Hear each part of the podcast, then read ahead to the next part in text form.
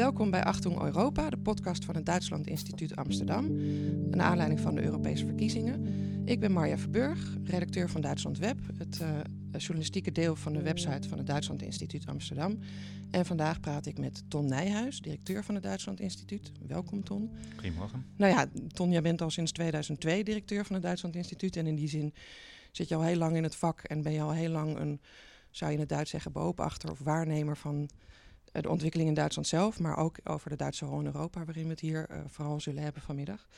Um, ja, je bent onlangs nog in Berlijn geweest op Schloss Bellevue. Het, uh, het werkpaleis, of hoe zeg je dat? Het werk, werk, ja, het werkpaleis, ja. Werkpaleis van de Duitse president Steinmeier. Um, wat was dat voor een bijeenkomst? Ja, dat was een uh, onderdeel van een uh, serie discussies over Duitsland en Europa in de toekomst van de democratie. die door Steinmeier zelf wordt voorgezeten. Oké, en dat zijn, is dat een internationaal of waren daar alleen Nederlanders? Of hoe? Nee, nee, dat is internationaal. Uh, van Nederland was uh, Luc van Middelaar uh, natuurlijk als de grote Europa-kenner. Maar bijvoorbeeld ook Ivan Krastev was er uit Bulgarije. En dat is een... Een, een, een, een politicoloog. Ook een politicoloog, net als Luc ja. van Middelaar. Ja. ja. een van de grootste, mogen we wel zeggen, Nederlandse denkers toch over Europa in ja, Nederland. Zeker. Ja, zeker. En uh, waar ging dat over? Of wat, wat kwam daar aan bod? Of wat heb, heb je daar nog Nou, een belangrijk thema was natuurlijk de, de Duitse Europa-politiek. En, en hoe verder met Europa, ook in het kader van, uh, van, van de Europese verkiezingen. En wat opvallend was, was eigenlijk dat um, Steinmeier als bondspresident uh, toch ook wel enkele kritische opmerkingen had over de Duitse politiek ten aanzien van Europa. Zijn stelling was eigenlijk een beetje van. Hm, Duitsland doet altijd of het het beste jongetje van de klas is. Hè? Dat Duitsland is altijd zo pro-Europees, weet het beste wat goed is voor Europa.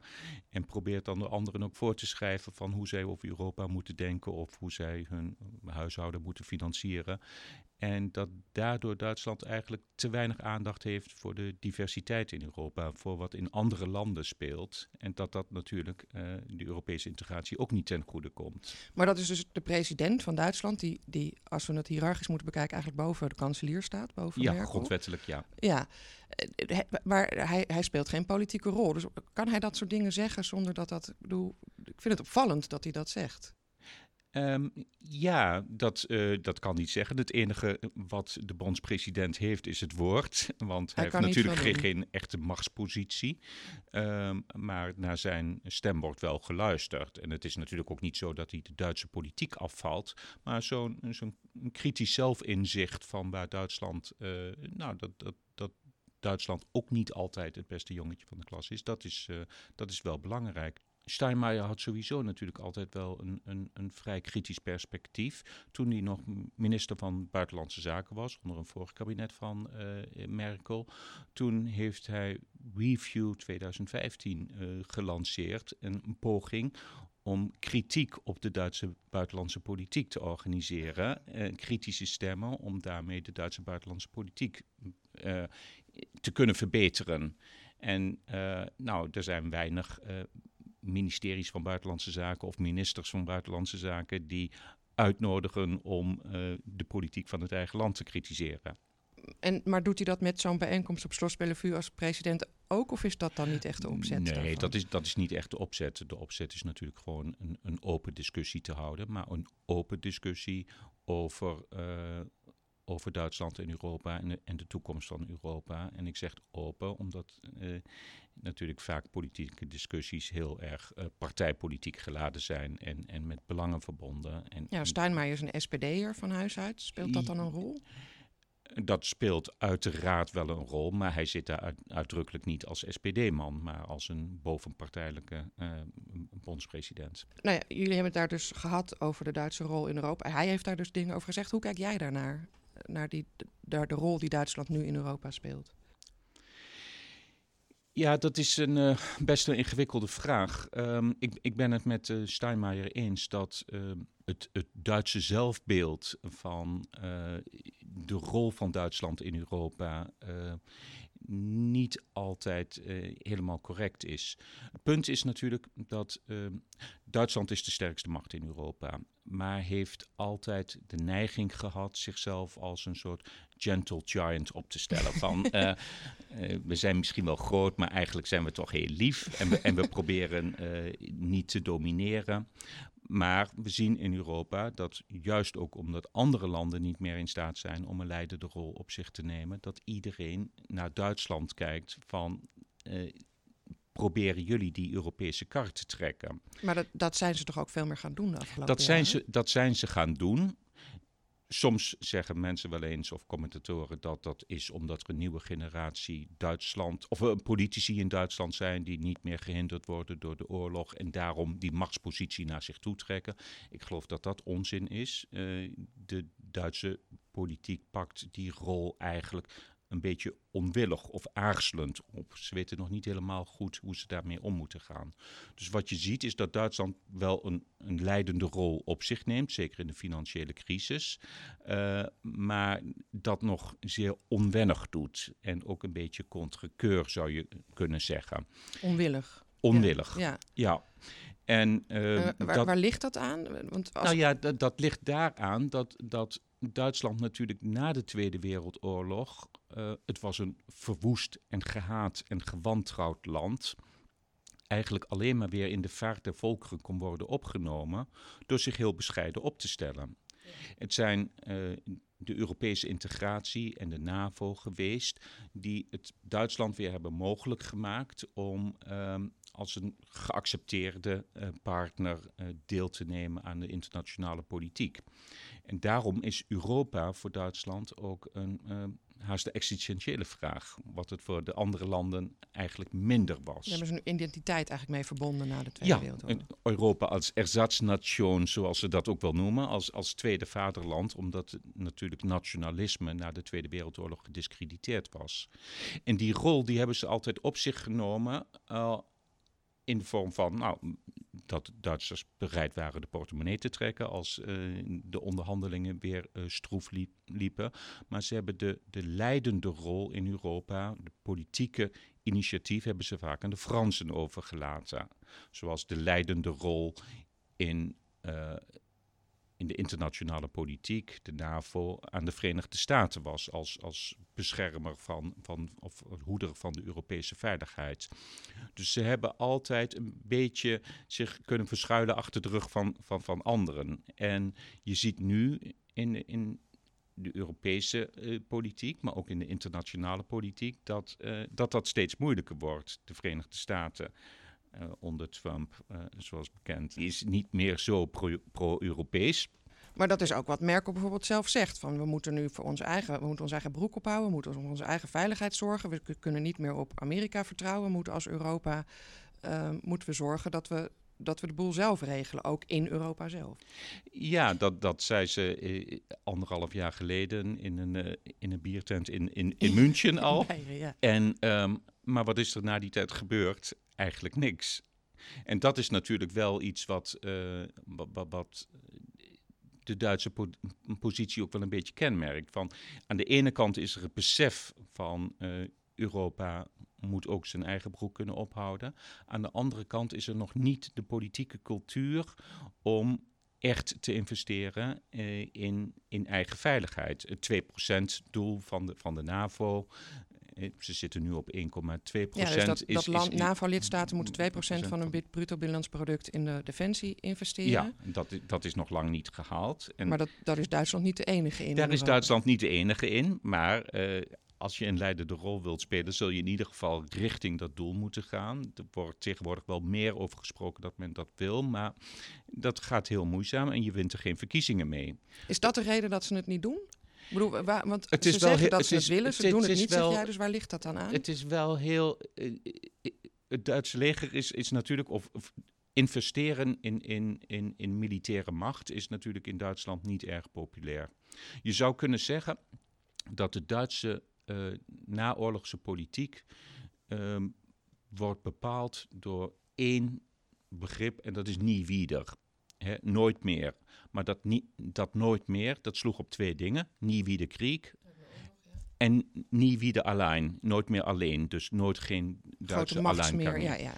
En, en die twee conflicteren natuurlijk soms met elkaar. Want het nie wieder Krieg, het nooit meer oorlog willen voeren of, of nooit meer Duitse militairen echt willen inzetten, ehm, staat op gespannen voet met een, een vorm van, van uh, wat de Duitsers noemen bündnistrooien, van, van trouw aan het bondgenootschap. Dus je wilt aan de ene kant is er die neiging van een afkeer van militair geweld. En aan de andere kant de, neig, of de, de wens om in internationale samenwerkingsverbanden. Maar de afgelopen jaren heeft Duitsland toch aan heel veel militaire NAVO-VN-missies meegedaan. In, tot, tot en met in Afrika, Azië, Middellandse Zee. Ja, ja. Baltische Staten. Dat, dat is de, de, de nie wieder alleen eh, kant van de, van de zaak. Ook heel veel hebben ze natuurlijk afgewezen. De Tweede Irak-oorlog, ehm, ehm, maar ook uh, Libië bijvoorbeeld, uh, hebben ze niet aan meegedaan.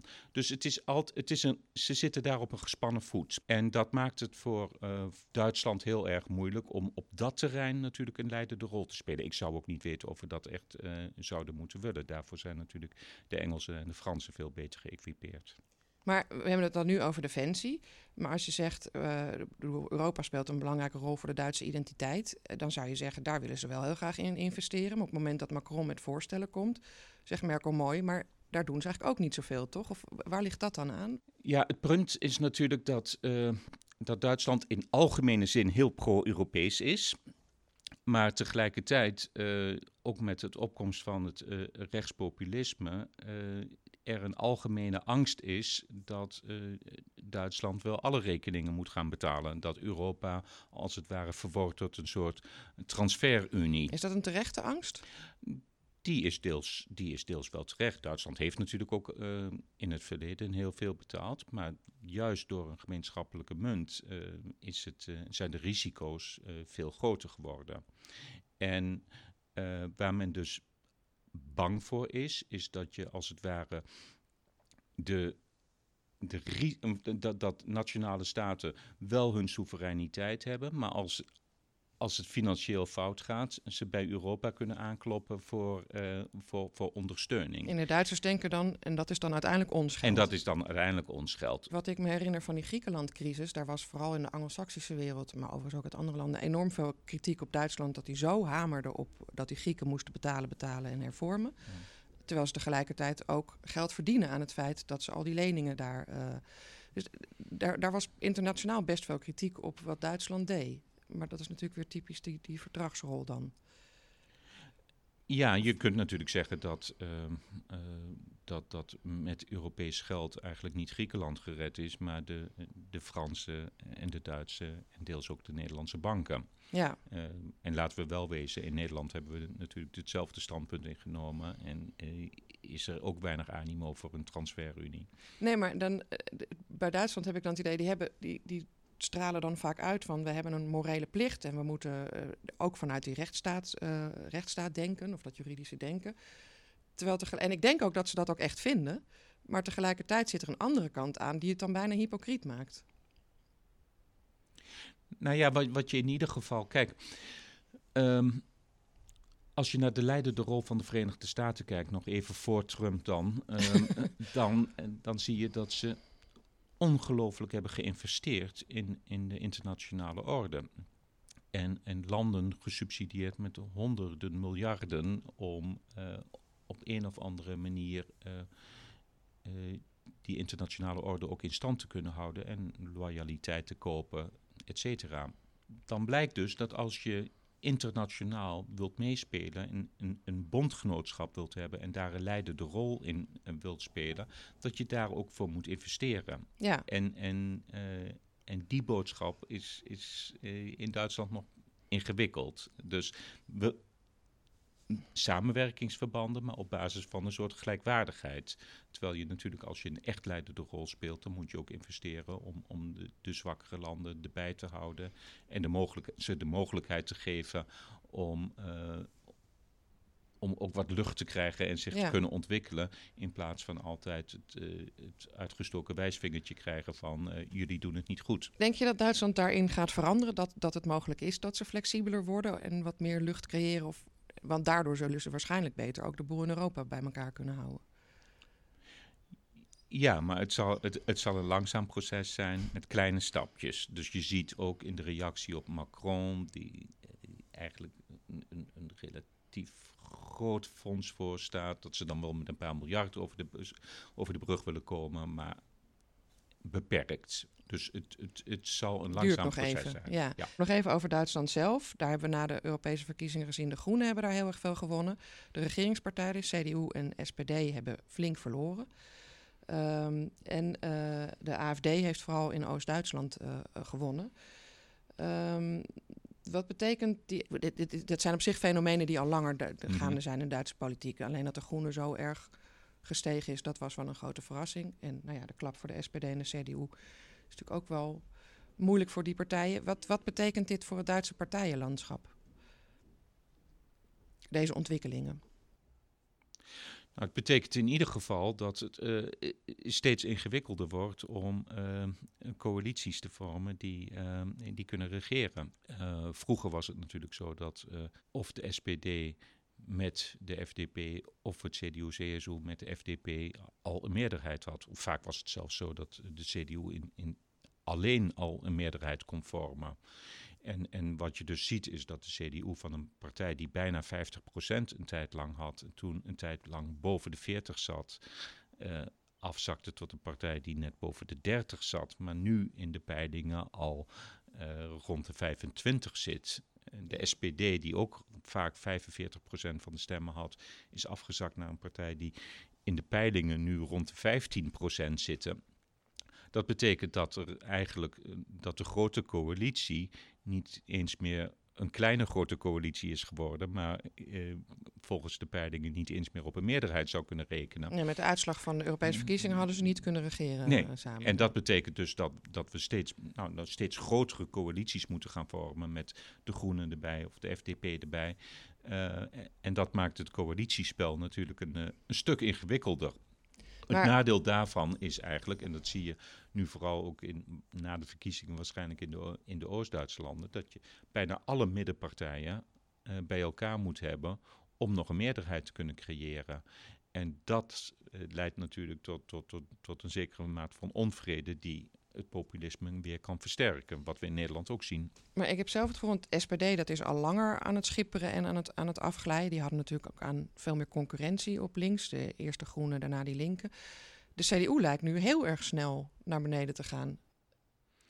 Ja, en natuurlijk is het zo dat, uh, dat als het gaat om het het uitdifferentiëren van het partijpolitieke landschap, hè, dus het ontstaan van steeds meer partijen, dat, dat de SPD daar het meest last van had met de Groenen en, en die Linken. Dus aan de linkerkant zag je dif differentiatie al uh, sinds uh, 1980.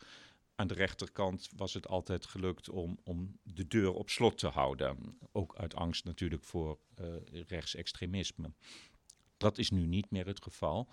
Maar je moet toch ook zien dat ehm, ook een partij als het CDU eigenlijk al heel lang stiekem, uh, of dat, dat, dat die van onderaf uitgehold is.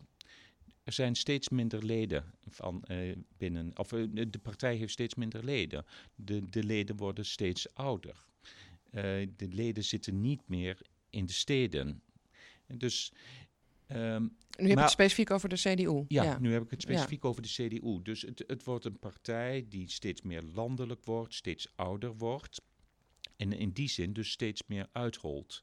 Dat hebben we in verkiezingen nooit echt gezien omdat verkiezingen gaan natuurlijk alleen tussen de partijen die meedoen aan de verkiezingen. En die verdelen onderling uh, de zetels. Dus als de SPD nog sneller naar beneden gaat dan het CDU, wordt het CDU relatief groter. En dat leidde tot een paradox dat aan de ene kant het CDU eigenlijk van on, of, werd, uitgehold, maar tegelijkertijd steeds machtiger werd, omdat het de enige partij leek te zijn die, um, die nog de kanselier zou kunnen leveren. En, um, en dat is nu met, met de opkomst van, van de Groenen niet meer als een, als een alternatieve partij, maar als een, als een nieuwe burgerlijke partij is dat spel een beetje veranderd. Want dat zagen we natuurlijk al in Baden-Württemberg. Dat ze ook daar de, de minister-president kunnen leveren. En misschien dat het op, op bondsniveau in de toekomst ook zal zijn dat de, de Groenen de kanselier zouden kunnen Heeft dat jou verrast, dat, dat dat zo snel gegaan is? Of, of dat heeft me de verrast. Uitslag van de dat, verkiezingen? Dat, dat, heeft me, dat heeft me zeker wel verrast. Ehm, maar we moeten ehm, natuurlijk ook voorzichtig zijn. Tien jaar geleden werd nog van de Groenen gezegd dat is een generatiepartij uh, die wat een Auslauf-model is, wat, wat uh, hier uiteindelijk eh, ook zal eindigen. Want het zijn eigenlijk alleen nog maar de 68ers die, uh, die, die daarop stemmen. En, en ze weten de jeugd niet aan zich te binden. nu, nu slagen ze erin om in de peilingen de grootste partij te zijn. Maar zoals we in de Nederlandse politiek ook wel eens hebben gezien, je kunt ook te vroeg pieken. Uh, de, de, kiezer is heel volatiel, dus uh, het kan heel goed zijn dat over een jaar uh, de partij weer uh, 10% naar beneden gaat. Maar, maar als je kijkt over, als het dan gaat om jongeren aan je partij binden, dan, ik heb hier een, een, een grafiekje voor mijn neus. als het gaat om waar de mensen onder de 30 bij de Europese verkiezingen in Duitsland op hebben gestemd, 13% op de CDU, 10% op de SPD. 33% op de groen. Eigenlijk zijn de Groenen de enigen die nog een beetje jongeren naar zich toe hebben getrokken. Dus in die zin zou je kunnen zeggen, ze hebben juist, zijn de enigen die nog een nieuwe generatie aan zich weten binden. Ja, nu wel. Nu wel. Maar dat was dus tien jaar geleden niet het geval. Een paar jaar geleden, na, uh, nadat uh, Merkel heel effectief. Uh, na Fukushima in, 2011 uh, de Groenen een hak had gezet door uh, de atoomausstieg, het afschaffen van atoomenergie en, in de energiewende uh, aan te kondigen, leek de Groene Partij bijna ten dode opgeschreven. En nu staan ze vol terug. Maar de volatiliteit van de kiezer is enorm groot geworden. En dat zien we natuurlijk in Nederland ook, dat partijen... D66 is ook wel eens bijna uh, uitgerangeerd geweest en, en komt vervolgens als grote partij terug. De, de, de, de SP heeft het de tijd heel goed gedaan, is toen ingezakt. Wilders heeft het heel goed gedaan, uh, is ingezakt. En nu doet Baudet het weer. Dus uh, in die zin um, is de, weten we niet of, of die, die stemmen voor de Groenen, of dat, of dat structureel is, of dat dat ook weer zal gaan veranderen. Maar feit is wel dat natuurlijk de jongeren die, uh, die vaak pro-Europees zijn, geïnteresseerd in het milieu, uh, geïnteresseerd in sociale rechtvaardigheid, dat die zich eigenlijk niet meer thuis voelen binnen CDU of de SPD. En dan is de Groene is eigenlijk het enige alternatief. Ja, we hebben het nu uh, zowel over de Duitse binnenlandse politiek uh, en over de Duitse uh, rol in Europa gehad. het is een hele grote vraag en ik weet ook niet of je daar iets over kunt zeggen. Maar wat kunnen we de komende tijd van, van Duitsland verwachten? Ja, het voorspellen van de toekomst is nooit eenvoudig. Wat we van Duitsland kunnen verwachten is een hoge mate van continuïteit. Daar komen geen gekke dingen vandaan. Uh, er, er, zal geen uh, meerderheid komen uh, van de rechtspopulisten. het land zal zich niet afkeren van Europa. Het land zal altijd proberen een, een, een een soort van, van, van leiderschapsrol in Europa of een, de kar proberen te trekken en zich daar ook uh, voor in te zetten, ook financieel. Tegelijkertijd um, is, is het, het grote, de grote visie op Europa en, en, en de bereidheid om, om daar echt in te investeren, is ook niet zo aanwezig. Dus het blijft een beetje uh. En dat, um, dat is op zich nog helemaal niet zo slecht.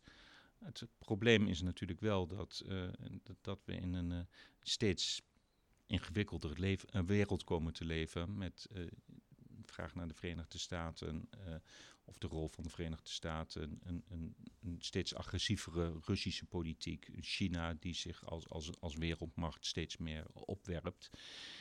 En um, dan is het wel heel belangrijk voor Europa dat onze manier van leven, onze vorm van democratie, de waarden waarvoor wij staan, de manier waarop wij uh, willen werken en, en, samenleven, dat, dat we dat wel in de wereld blijven uitdragen en, en dat, uh, dat dat niet overgelaten wordt aan, uh, aan andere machten die daar hele andere ideeën over na kunnen houden. En dat, ehm, ja, dat, dat dat is een opdracht waar we ons uiteindelijk niet aan kunnen onttrekken. We zullen dat moeten doen. Of we dat nou leuk vinden en of we die wil nou hebben om, om dat daadwerkelijk om te zetten, dat is eigenlijk helemaal niet de vraag. We hebben geen keuze. Nee, nou, eh, dat is een, een, denk ik een goed slotwoord. In de hoop ook dat Duitsland daar misschien inderdaad ambitieuzer op, uh, op gaat worden. Ton, dankjewel voor de bijdrage.